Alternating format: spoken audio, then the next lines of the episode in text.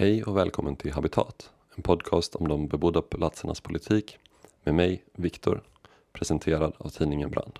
På tidningenbrand.se podd hittar du förutom Habitat också alla andra poddar som presenteras av tidningen eller som finns samlade där. I det här avsnittet av Habitat så pratar jag med kriminologen och vänsteraktivisten Leandro Sklarek Molinari.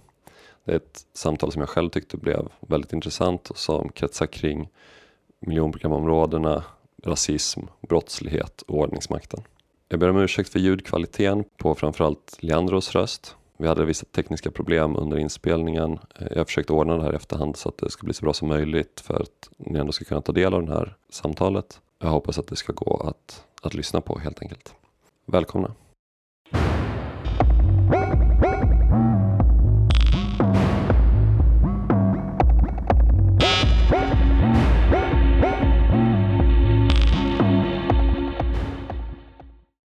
Hej och välkomna till Habitat. Eh, det här avsnittet är jag väldigt glad att få spela in tillsammans med dig Leandro Sklarek Molinari. Hej hej och tack så mycket för att jag får vara med idag. Hej, verkligen jätteroligt. Även om det också är lite ett, ett liksom, lite dystert ämne på ett sätt som vi ska prata om men jag tänker att vi ska försöka hitta positiva infallsvinklar och liksom bemäktigande eh, infallsvinklar också så att vi inte bara pratar om det som är problem just nu men det vi ska prata om idag det är kopplingen kan man säga liksom mellan miljonprogrammet, brottslighet och ordningsmakten. Och det här är ju liksom en fråga som inte bara berör de bebodda platsernas politik utan också kriminalpolitik. Och vi lever ju i en tid just nu, vi spelar in det här den 25 september och i tisdags då för tre dagar sedan så var Stefan Löfven i Rinkeby på polisstationen där det nya polishuset de har byggt och eh, ja, men Stefans ord var det här är jättebra och det här är staten som markerar vi är här. Och så vi lever ju i en tid där eh, frågan om ordningsmakt och miljonprogrammet verkligen har spårat ur lite kan man väl säga. Leandro, om vi börjar med att presentera dig.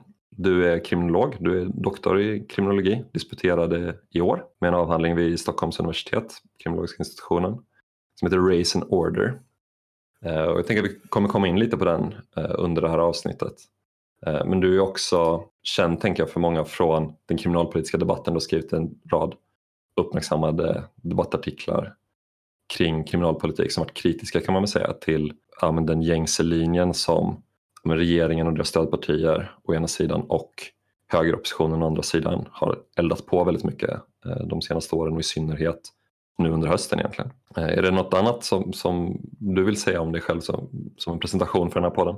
Eh, nej, men jag tror att det är också viktigt att, att, att lägga till. Jag har liksom varit eh, aktiv i, i, förutom då det du beskrev som är, jag har akademiska meriter och så är jag ju tänker från vänstern. Liksom. Mm. Eh, och det tror jag är viktigt att, att eh, ha med sig att, jag, eh, att det är en viktig identitet i, i liksom också min akademiska praktik. Yes. Jag tänker så att det är många saker som, som, man kan prata om kring det här ämnet men i den diskussion som finns idag i liksom offentligheten, alltså i, i liksom den gängse massmedia och sådär. Det är ju en otroligt stark diskurs kan man väl kalla det. Eller liksom, det finns väldigt mycket påståenden kring de gamla områdena från miljonprogrammet på 60-70-talet och i synnerhet vissa områden som kopplar samman de områdena med, med brottslighet. Du som rör dig inom forskning inom det här området, hur ser det ut egentligen med, med brottslighet i miljonprogramområdena? De områden som ofta pekas ut i debatten. Alltså det vi kan säga är ju att 2015 så tog polisen fram de här rapporterna med utsatta områden. Det finns ju massa saker vi kriminologer har, har, har behöver fundera kring eh, när man gör ett sådant påstående. En av de sakerna, vad är det för typ av kriminalitet vi adresserar och vad är det för kriminalitet vi inte adresserar? Liksom. Varför är, det vi, varför är vi intresserade av det som händer på de platserna. Eh, och tittar man då på, på eh, liksom den här polisiära diskursen kring de här utsatta områdena så är det ju ett hopplock av olika typer av brottskategorier. Allting från extremism till eh, drogförsäljning till skjutning. Så det är liksom väldigt porös eh, diskurs i grund och botten eh, som eh, eh är svår att få en statistisk överblick på eftersom det berör så många olika, så många olika eh, kriminalpolitiska områden. Så det är en sak som man, jag tänker, hur ser det ut? Mm. Det, det beror ju på vilken, vilken fråga det vi pratar om. En fråga som har varit väldigt mycket på tapeten är ju det här med skjutningar och den frågan är utan tvekan koncentrerad till vissa eh, fattiga stadsdelar. Det är ju ett väldigt allvarligt problem som jag tänker att vi som är vänster behöver fundera och adressera. Liksom. Så den här kriminaliteten som, som eh, drabbar många unga killar då i huvudsak, men också hela stadsdelar eftersom folk känner de personer som går bort och känner också liksom, både förövare och offer så att säga. Eh, så, så det är ett allvarligt problem. Men problemet med den här diskursen, precis som du är inne på, det är ju att den, liksom, den ger utsagor kring massa olika typer av problemområden. Och då glömmer bort alla de andra problemområden som till exempel försiggår i rikare stadsdelar. Till exempel konsumtion av droger. Som vi vet då mm. eh, också sker där. Och precis, skjutningar är ju en grej som verkligen får väldigt mycket utrymme, precis som du säger. Hur ser det ut liksom med annan brottslighet? Alltså är invånare i de här utpekade områdena, är de, är de brottslingar i mycket större utsträckning än invånare i Sverige i allmänhet? Och hur ser det ut liksom med att vara brottsoffer? Har du någon, har du någon koll på det? Det är en sån sak som är, jag har gjort en studie i, i Husby nu tillsammans med Folkets Husby. Vi har då frågat eh, folk om de har blivit utsatta för brott och, och nivåerna av utsatthet för brott, det vill säga nivån av viktimisering, är ju väldigt mycket högre i den här typen av stadsdelar än i andra. Och det är en sån annan aspekt som jag tänker är viktig för liksom vänstern att adressera. Och försöka påminna om i debatten när den är så enkelspårig som den är idag. Där man pekar på att ja, de här personerna med utländsk bakgrund är överrepresenterade i kriminalstatistiken. Vilket personer med utländsk bakgrund är rent så statistiskt. Men de är också överrepresenterade när det gäller mm. viktimisering olika, av olika slag. Och det här med liksom överrepresentation. Nu är du intresserad av platsen och, eh, det, eh, jag tänker att debatten eh, så vi har haft en diskussion sedan 70-talet i Sverige kring just invandrares överrepresentation i kriminalstatistiken eller i, liksom, i, i brottslighet. Och det finns en, ett ganska många rapporter som har producerats på det området. Och alltså, de pekar ju på, de är ju väldigt samstämmiga i grund och botten. Personer med utländsk bakgrund, beroende på lite hur man definierar det, är överrepresenterade i kriminalstatistik.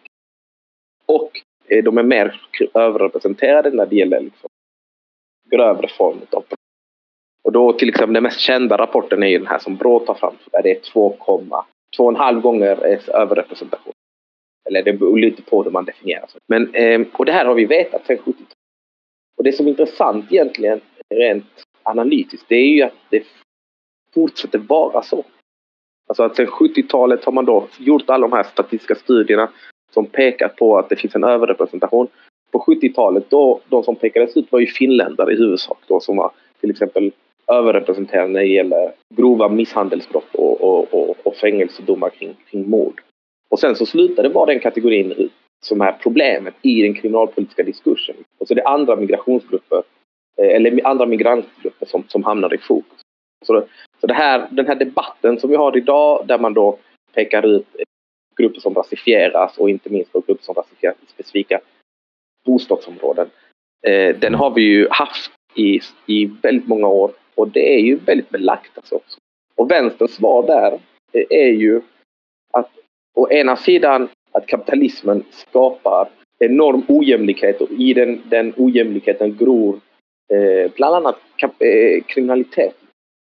Så vi, som, som, som kritisk kriminolog så är man inte förvånad att det finns en koncentration av vissa former av traditionell gatubrottslighet som är koncentrerad till vissa stadsdelar. Det är, det är ingenting som vi blir förvånade över. Det sista jag ville säga det var ju det här att eh, högern och den rasistiska högern vill hela tiden prata om över, eh, invandrares överrepresentation i brott.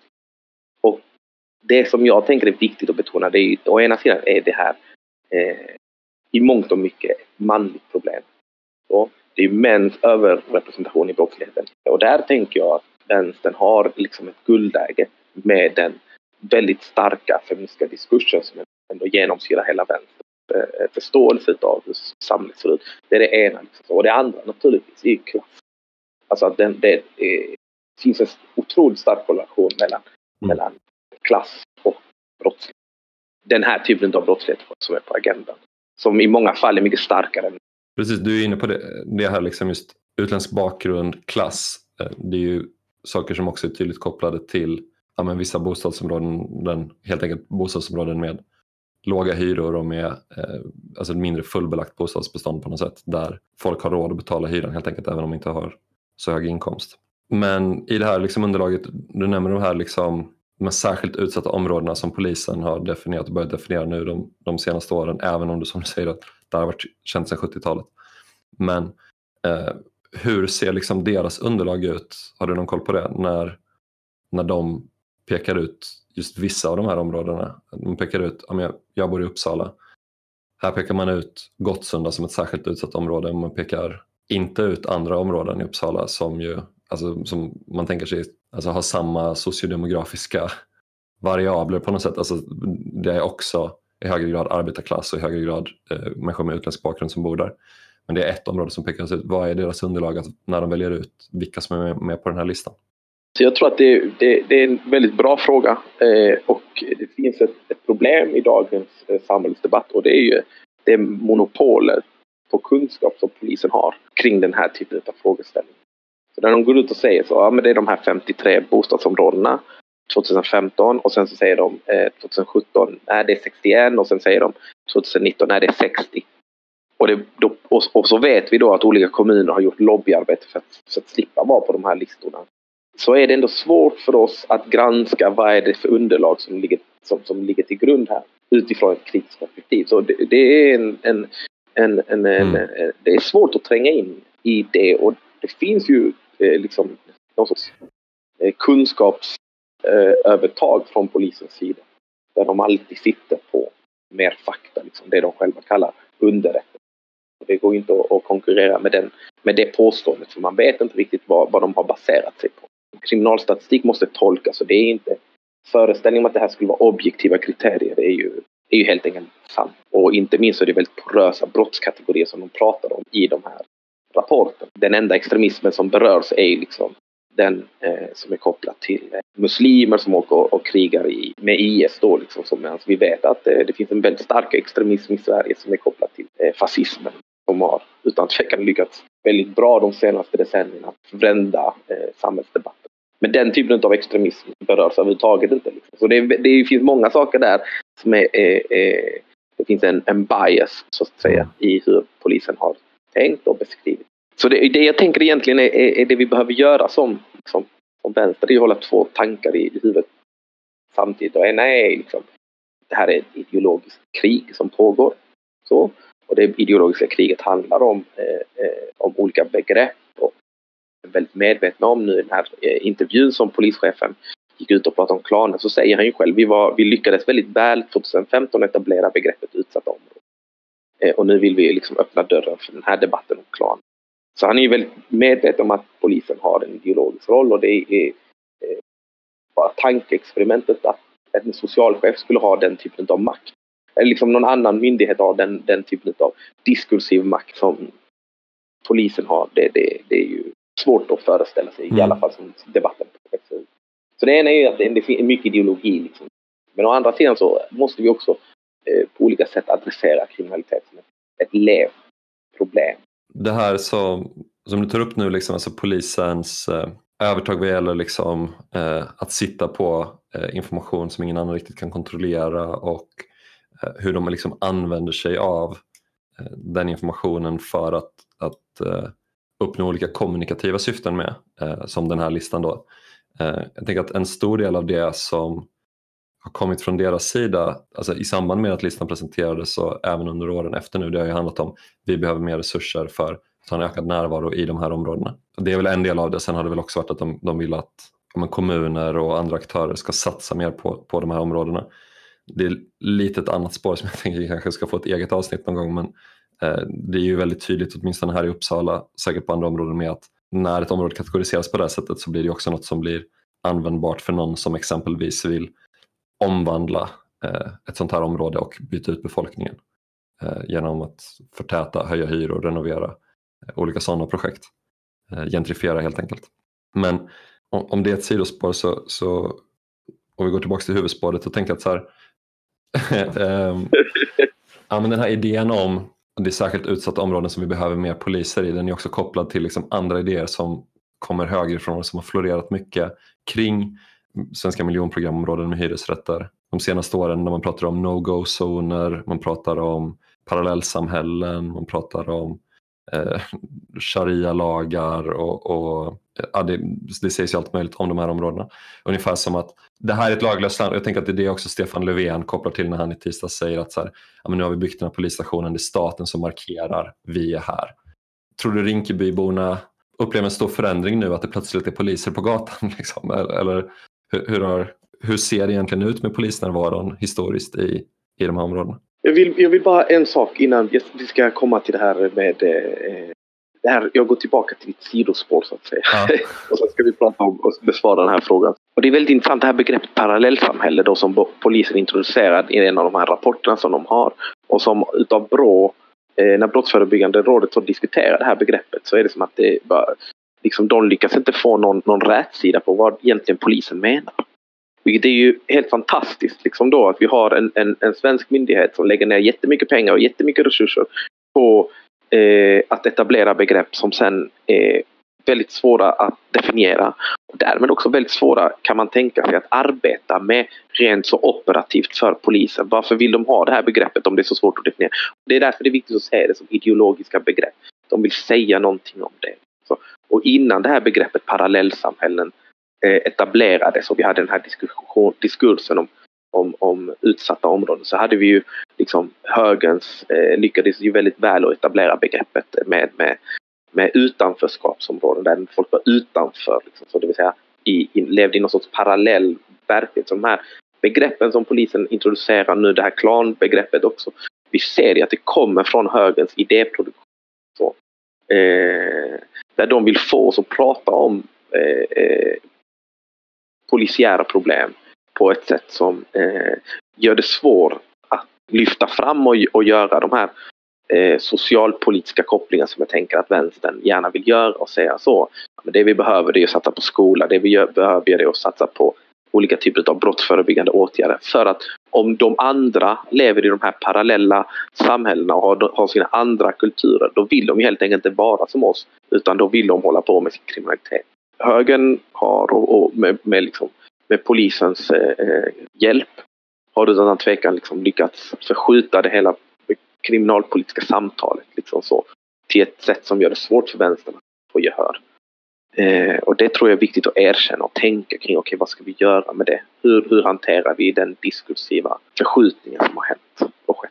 Så, och det är det ena då som jag vill säga. Och sen det andra det här med vad, vad tycker folk i de här områdena?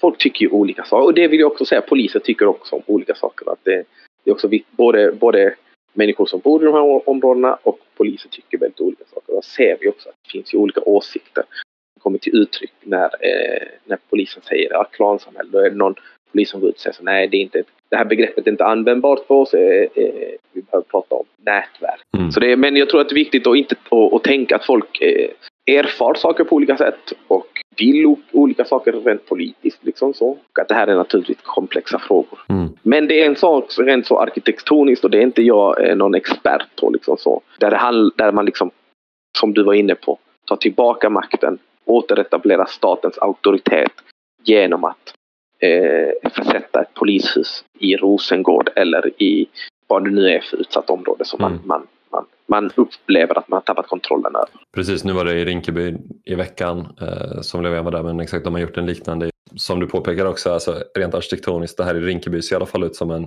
arbetsplats liksom, med typ fönster och grejer. Den i Rosengård ser verkligen ut som en fästning. Det ser verkligen ut som eh, en väldigt militär byggnad får man väl säga. Alltså bara man tittar på den så är det väldigt tydligt. Och, och det som jag tänker att det vi ska tänka då det är just den här liksom, koloniala historien. Liksom, så att den, man, man, är sista utposten eh, för att liksom på något sätt eh, lugna ner och stävja och upprätthålla ordning hos de andra. Liksom.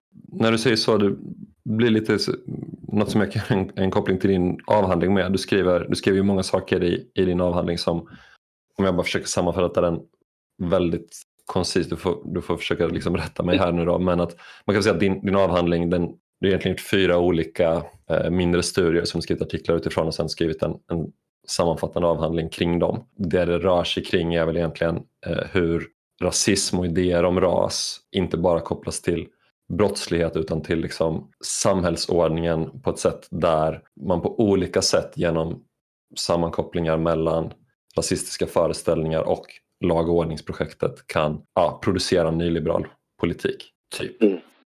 Jag vet inte om, om... Typ, det var en fantastiskt bra sammanhang tyckte jag. Okej. jag, jag vet knappt eh, så här efter när man skriver en avhandling så vet man knappt hur man skriver. Men det, det, det är som du säger, jag har försökt liksom tänka kring rasism på olika sätt.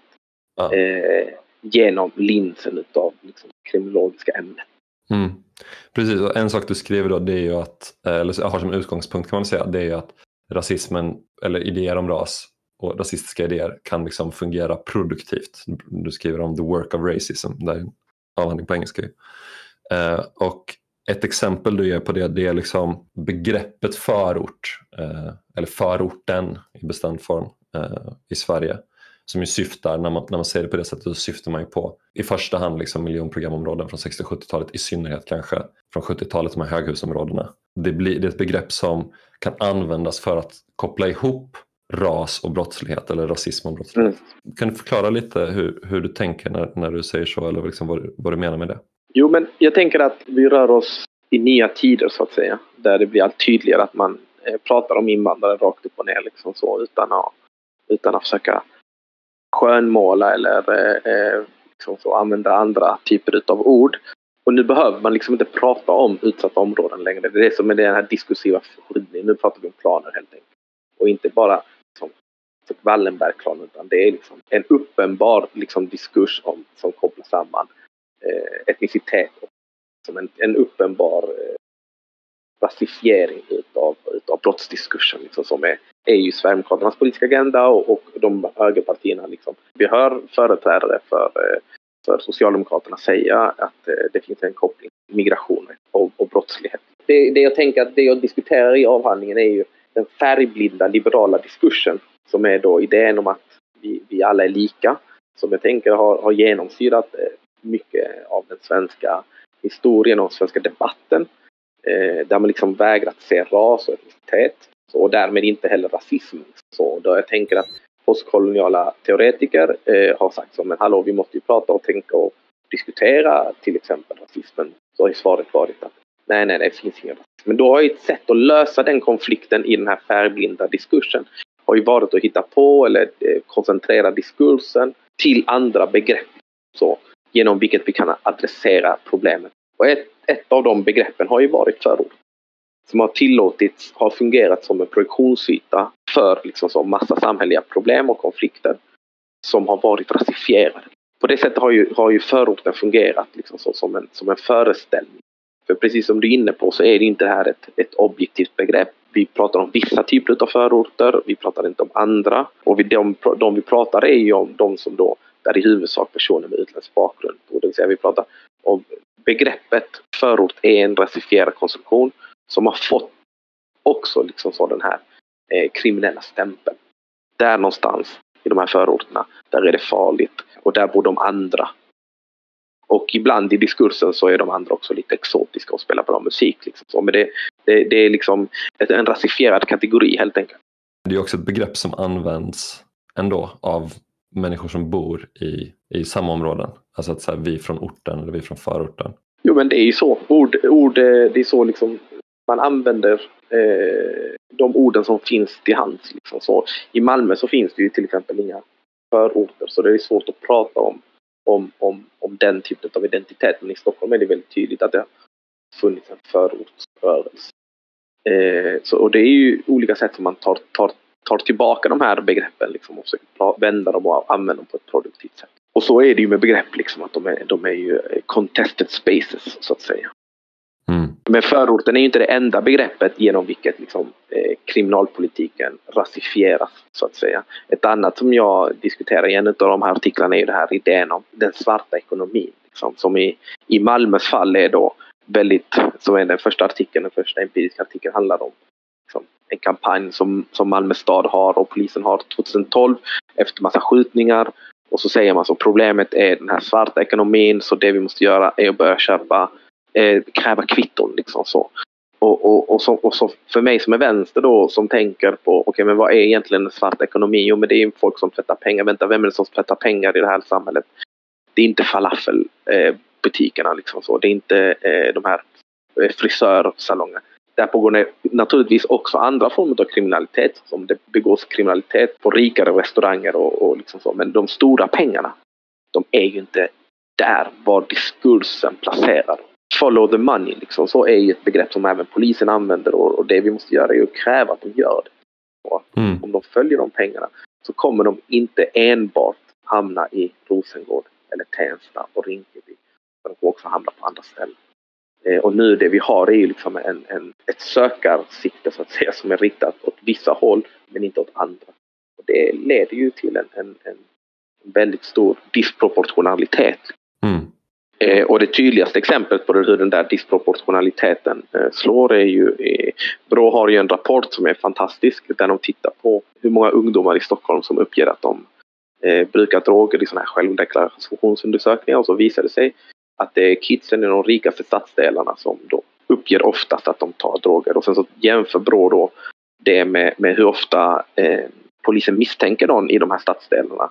Och så eh, visar det sig att de, de misstänker ju oftast de i de fattiga stadsdelarna trots att de uppenbarligen då inte är de som oftast brukar droga. Så det finns en selektion i det stora och i det lilla mm. som leder polisen till att rikta in sig på vissa, vissa eh, eh, kategorier utav, utav människor.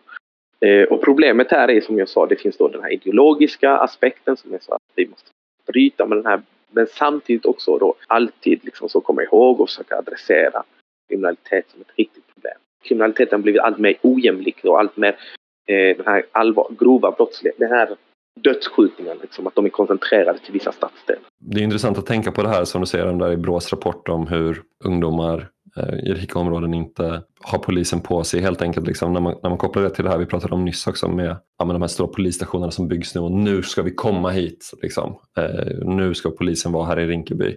Eh, säger man nu. Liksom. Men det är väl knappast så, eller min bild är verkligen inte att polisen inte har varit i Rinkeby de senaste 30-40 åren. Utan det är väl snarare tvärtom, eller? Nej men såklart. Jo men och där tänker jag så, det finns en, en fantastisk teoretiker som är Louis Vacan som beskriver just den här, å ena sidan rulla tillbaka välfärdsstaten, de så att säga progressiva delen av välfärdsstaten och så det man rullar in är då liksom den, den repressiva delen. Det är ju ett väldigt illustrativt exempel. Den här diskursen och den här eh, praktiken av att liksom så fokusera på arbetarklassområden som då på de senaste decennierna har rasifierats. Den har ju funnits eh, väldigt länge. Och jag tror att det man glömmer bort, liksom, så den här studien som den här eh, enkätundersökningen som jag har gjort tillsammans med Folkets Husby, då har vi, liksom, så, det är inte ett slump, det är inte ett representativt urval utav, jag har gjort det som kallas ett bekväm, bekvämlighetsurval. Så att jag lyckas nå så många som möjligt, liksom, så, respondenter i, i, i Järva. Eh, och då har vi fått 700 svar och eh, ungefär 715 svar. Eh, och av de här 715 svar så är det liksom 75 procent som då på olika sätt är kritiska till eh, polisens arbete i stadsdelen. Och det, det, som är intressant här är ju att polisen väldigt ofta och, och även BRÅ och andra myndigheter när de mäter just det, om folk uppskattar eller inte uppskattar polisen så kommer man ju fram att det är ganska höga siffror. Folk gillar polisen i Sverige. Men det är också för att de här studierna inte lyckas fånga de mest marginaliserades röster. För att de tenderar inte att svara på enkätundersökningar till exempel.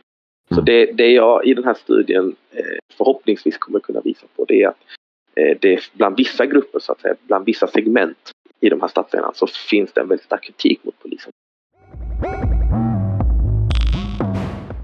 Men jag tror det är jätteviktigt att tänka på liksom vad, vad, vad, vad, är det, vad är det vi... Man tänker på polisen som en utbildningsinsats istället för som en, eh, en brottsförebyggande eh, eh, aktör så kan man tänka sig vad är det de lär ut till de här människorna i de här områdena. Vad är det, vad är det, vi, vad är det för signaler vi skickar ut? Vad är det? Och då när de stoppar då i huvudsak rasifierade unga killar. Liksom, vad är det de här rasifierade unga killarna lär sig? Vi vet att det man lär sig är inte riktigt det polisen önskar. Som är då att man ska bli underordnad och i min avhandling bygger på intervjuer kring rasprofilering. Och ilska är ju ett tema som, som uppstår i de här polisiära kontrollerna som upplevs och erfars och att man blir så förödmjuk. Den här repressionen som vi kan anta kommer följa på posten utav att vi placerar stora kolosser i de här områdena. Det, det är, jag, jag, ser, jag ser stor oro på framtiden så att säga. Precis, den här, den här eh, ilskan, alltså det där är en spännande fråga också för att förra året, för ungefär ett år sedan, så gjorde vi nummer av Brand eh, som är tidningen som presenterar den här podcasten och som jag är med i redaktionen för. Temat heter Rädslans mobilisering och det handlade om överbryggningar kan man säga mellan liksom den traditionella konservativa högern och den rasistiska ytterhögern och hur de mer och mer formerar sig som ett block och, och hur mm. olika former av rädsla är ett genomgripande tema i, i hur de mobiliserar sina, sina anhängare. Till det numret så gjorde jag en intervju med din eh, kollega på Stockholms universitet, Magnus Hörnqvist. Han är också kriminolog då, för tydlighets skull. Uh, han berättade om uh, de stora kravallerna som var i Husby 2013 och som ju var väldigt, väldigt uppmärksammade i Sverige på den tiden kan man säga, men fortfarande en del av ett någon slags kollektivt minne. Han gjorde, gjorde en hel del arbete i Husby efter de där kravallerna försökte undersöka lite så vad det var som hände och man hade haft en jättestor satsning i Husby med eh, närpoliserna som jobbar först och främst i det området. Som man har jobbat i många år, fått massa EU-pengar, miljoner som hade rullat. Eh, och de tyckte att det, att det var ganska bra. Liksom. Eh, man försökte jobba på att öka förtroendet för polisen i området. Det var en, en av de stora grejerna de jobbade med. Eh, så det som hände sen var att eh, det var någon händelse i, i Husby en kväll. Så hamnade det här i slutändan på en paketenhet från innerstan som inte är del av liksom det här projektet alls utan det är liksom en annan del. Och som bara ja, går loss helt enkelt. Det här är det då som tänder gnistan som, som blir de här upploppen som, eh, som ändå var rätt, rätt omfattande. Och sen så spred de sig också till, det spreds ju också till ja. Men det var ju också med, för att förtydliga, så var det ett polisingripande med, eh, hemma hos eh, en äldre, äldre man liksom, som, som, som som polisen sköt en äldre man till döds. Och sen så gick de ut och sa att eh, den här personen hade dött. Jag vet inte om det var i ambulanstransporten eller på sjukhuset. Men folk i Husby hade liksom stått där utanför det här huset och sett att polisen hade faktiskt skjutit personen till döds och ljög helt enkelt i sin kommuniké. Mm. Eh, som då publicerades i Aftonbladet. Och det var den, eh, den tändande gnistan. Liksom så. Och sen så de här intervjuerna som Magnus Hörnqvist och, och andra kollegor har gjort pekar ju på att den, så varför blir man så arg på att polisen har ljugit? Jo, finns det ju hela det här paketet utav erfarenhet av att då bli eh, trakasserad som ingår i, i, i förståelsen av varför eh, en situation exploderar på det sättet som det gjorde i Husby. Ja, jag tänker att det är ett ganska intressant exempel ändå för att det är liksom så här på, någonstans är uppenbarligen polisen medveten om det här problemet. Alltså att man har en, en grundläggande praktik som alienerar de lokala invånarna i områden där man har en, en hög närvaro för att man är på olika sätt så riktar man sig ju repressivt mot stora, stora delar av befolkningen i området och liksom på något sätt behandlar, behandlar en som kriminell utifrån att man bor där. Eh, om man är på något sätt medveten om det här, och man gör den här stora satsningen och det är liksom i ena handen på något sätt men å andra sidan har man ändå sina grundläggande praktiker som är just det här liksom urskillningslösa våldet. Och, och även om man liksom försöker satsa just i det här fallet på att öka förtroendet och, och minska den här bilden av en så finns ett grundläggande problem som är att när det kommer till kritan då är det ändå så man gör, som man alltid gjort. Nej men att, det, att jag tänker att exemplet är, är väldigt bra för att eh, jag tänker att jag själv gör mig, gör mig skyldig till det i många fall. Liksom, så att det finns ju olika delar utav polisiära organisationer. Eh, och det är som att vi ofta, och jag gör mig också skyldig till det, det är liksom pratar om polisen som en monolitisk organisation som pratar med en röst. Men det finns ju naturligtvis olika intressen och olika, olika företrädare som driver de intressena.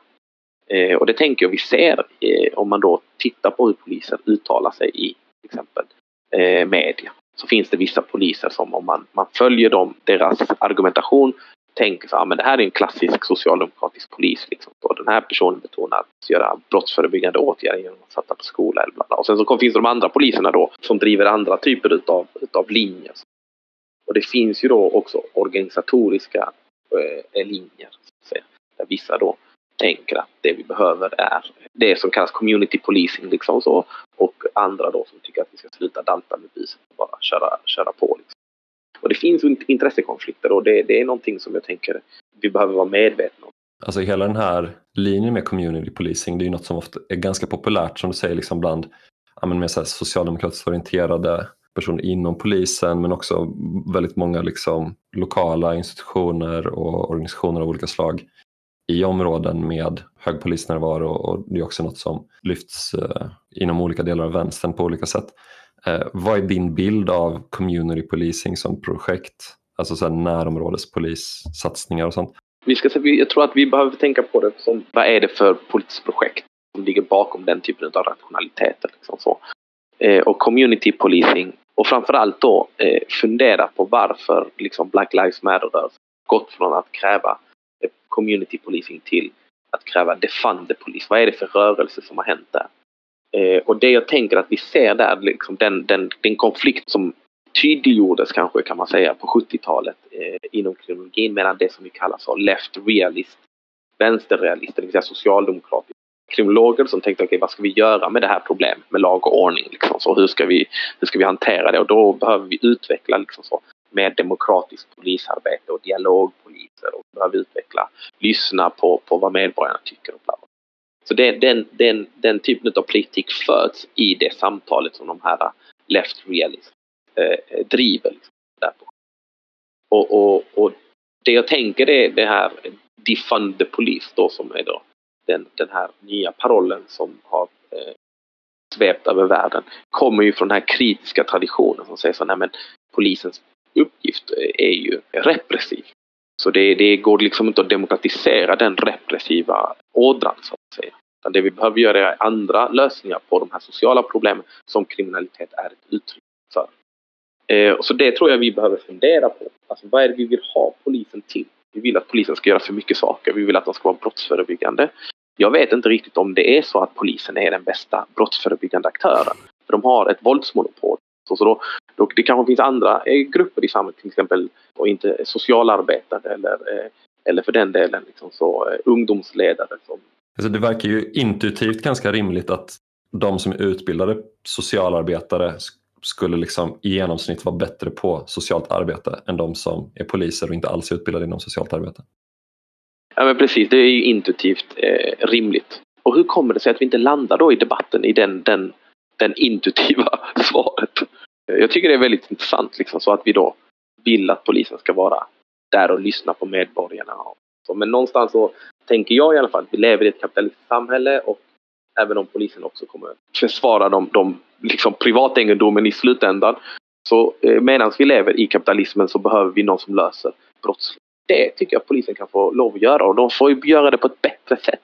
Så problemet vi har idag är ju att polisen är inte så bra helt enkelt på det. Det är den primära uppgiften som de borde vara bra på. Och då kommer allt det här andra. Jag vill att polisen ska, så som det ser ut idag i, i liksom den här kapitalistiska världsordningen som vi lever, där vi om vi ska tänka inom ramen för vad som är möjligt liksom, som någon sorts verklig utopi så vill jag att polisen ska lösa problemet med kriminalitet. Sen låta andra aktörer lösa sociala problem. Precis som du säger där, alltså, det finns ju alla de här stora projekten kring, kring eh, de har haft det jättestora projektet Rimfrost nu som varit väldigt uppmärksammat där man har försökt liksom slå mot organiserad brottslighet eh, eller kriminella gäng som de kallar det på olika sätt. Eh, man har haft många sådana här stora satsningar de senaste åren. Eh, man har fått mer resurser eh, successivt. Det är verkligen den enda delen av staten som du var inne på tidigare som hela tiden får mer resurser samtidigt som andra delar, till exempel socialtjänst, får hela tiden mindre resurser. Samtidigt så ökar ju bara de här, ökar ju bara de här problemen. Det verkar ju verkligen som att förebyggande arbetet inte funkar så bra. Och sen å andra sidan, ja, men lite som du är inne på, ja, men att klara upp brott. Alltså att, att utreda brott helt enkelt och lagföra personer. Säger jag rätt om jag säger att liksom polisen egentligen i Sverige inte lyckas särskilt bra med det heller. Ja men så är det ju. Alltså vi har ju våldsspiraler som då pågår eh, år ut och år in. Vi har då en polis som får i stort sett det de pekar på utav eh, rådande makthavare. Både när det gäller resurser och när det gäller olika lagändringar. Så att de ska liksom få, få urholka eh, massa liberala principer för, för staten som ska liksom skydda medborgarnas rättigheter. De har ju fått allting de har pekat på de senaste, eh, de senaste åren. Ändå lyckas de det är det som är liksom, eh, pudelns kärna här. Och ändå fortsätter de att kräva olika saker och få mer resurser. Och, och här tror jag att det finns, det finns en, en, en, en punchline, en bok som är skriven av eh, Jeffrey Reinman som heter The Rich Get Richer and the Poor Get Prison. Boktiteln är bättre än boken i sig egentligen. Så. Men jag tror att den poängen som han gör där är så uppenbar. De rika blir rikare i det svenska samhället. Ojämlikheten ökar. De fattiga segmenten kriminaliseras. Mm. Vi har hårdare tag. Och där finns det eh, eh, liksom en, en, eh, ett begrepp i den här boken som man använder som är just den här Pyrrhus-segern. Så att polisen riktar in sig och så, och så har man den här operationen Rimfrost. Eh, och I USA så var det The War on Drugs och så hade man olika projekt där och så lyckades man fånga eh, någon, något kriminellt geni. Så, sen så sätter man den personen i fängelse. Men det löser ju inte problemet. Så det är en massa Pyrrhussegrar som polisen ägnar sig Mm. Systemet är inte ägnat, är inte, inte designat för att de egentligen eh, ska vinna kriget. Det är inte det det är designat för. För då skulle man ju naturligtvis rikta in sig också på den typen av kriminalitet som jag berör. Mm. Så de mäktiga problem med konsumtion av droger i rika stadsdelar. En fransk sociolog som jag vet att du refererar en del till också i din avhandling, eh, Luc Vacan, han skrev en bok som finns översatt på svenska också, som, Eh, där han, den heter Fattigdomens fängelser och där driver han tesen att, det är grovt förenklat då, men, men ungefär att liksom, syftet är ju inte, precis som du säger, att, att minska kriminaliteten utan syftet är ju på något sätt att ha mer människor i fängelse. Eller åtminstone det som är Alltså syfte låter ju som att det är någon som sitter med en plan men att det är det som är systemets logik på något sätt. Det systemet gör det är helt enkelt bara att öka eh, fängelsepopulationerna och han pratar också om en, en kriminalisering av invandrare. Ja, och det ser vi ju väldigt tydligt i Sverige. Liksom så. Alltså den kriminaliseringen av invandrare, migranter. Mm. Och jag tror inte att syftet här är liksom så som du säger, det är inte någon som sitter där med någon masterplan och tänker Eh, utan eh, det här politiska projektet. Det är därför min avhandling heter just Race and Order. För jag tänker att det finns en ordning här och den ordningen fungerar. Den har en logik. Liksom. Så den, den logiken penetrerar olika aspekter. Liksom. Så, så, så, inom väldigt kort så kommer vi med stor sannolikhet få en diskussion om privata fängelser. Vi har redan sett att privata eh, säkerhetsaktörer genom väktare och, och, och, och och säkerhetsvakter liksom har expanderat marknaden. De tjänar mycket pengar på det här så då kan vi också tänka oss att de eh, lobbar väldigt starkt för att fortsätta med den här eh, utvecklingen helt enkelt. Så det, mm. då, då kommer ju liksom de här ekonomiska intressena in i debatten som vi vet eh, har varit väldigt framgångsrika under hela den här nyliberala Men jag tror inte att vi ska prata om det som att det finns en, så, en, en koordinerad logik. Liksom, utan det är mer att systemet drivs åt olika håll. Mm. Bakan har ju den här väldigt fina metaforen med att som det som har växt fram är den här Kentaur-staten.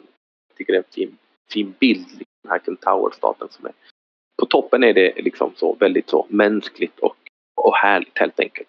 Rot och rutavdrag för de välbeställda helt enkelt.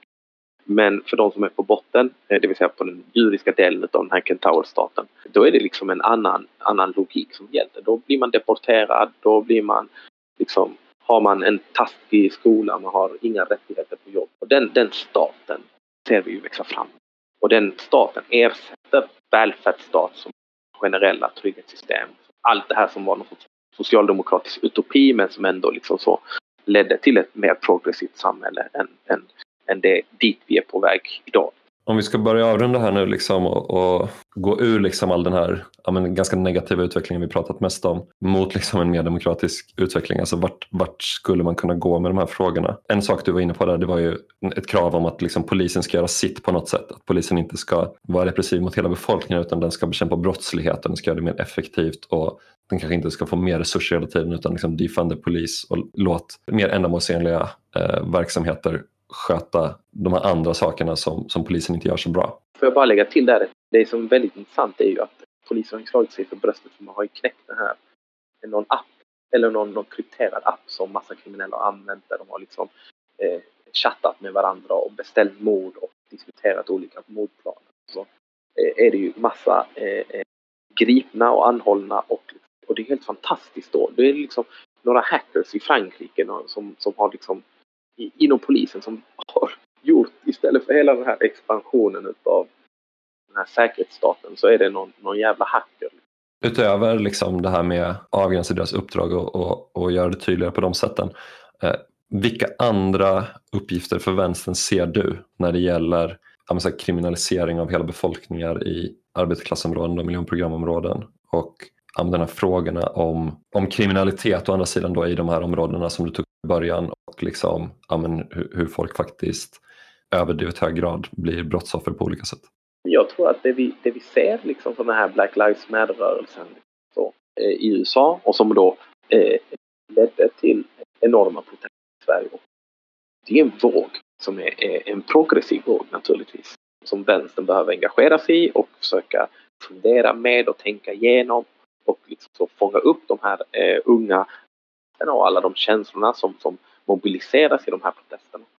Eh, och det ser jag som någonting väldigt eh, positivt. Liksom. Så vi har en hel ny generation utav, av uh, unga röster som är, är, är, kritiska. Så det ser jag som något väldigt hoppingivande. Så att en av de här starka rörelserna i, i dagsläget tillsammans med då kanske klimatrörelsen som ändå och det, liksom så, det är ju antirasistiska rörelser med, med fokus och dess udd mot en kritik av polisen. Och vi har fått upp en, en debatt i Sverige eh, som är trevande fortfarande naturligtvis som handlar om rasprofilering. Och det här är ett begrepp som bara för några år sedan inte fanns i den svenska vokabulären. Alltså tittar man på mediedebatten innan 2013 så, så används knappt det begreppet. Sen så hände någonting i samband med kravallerna i Husby som vi varit inne på, romregistret och REVA-debatten. Och då bubblade upp ett samtal kring rasprofilering och det, det samtalet fortsätter. Eh, så, så även om det är lätt att så, måla fan på väggen och eh, se, se, negativt så att säga på, mm. på samhällsutvecklingen så är det också viktigt att komma ihåg alla de här kritiska rösterna och mobilisation, mobiliseringar som också sker, så som är hoppingivande. Mm. Alltså, finns ett behov där också, liksom, apropå den kopplingen eh, du, du gör här liksom, mellan diskursen kring förorten Eh, som, som någonting som kopplar ihop ras och brottslighet och liksom hur det hänger ihop med det här med liksom särskilt utsatta områden eh, och sådär som polisen håller på med.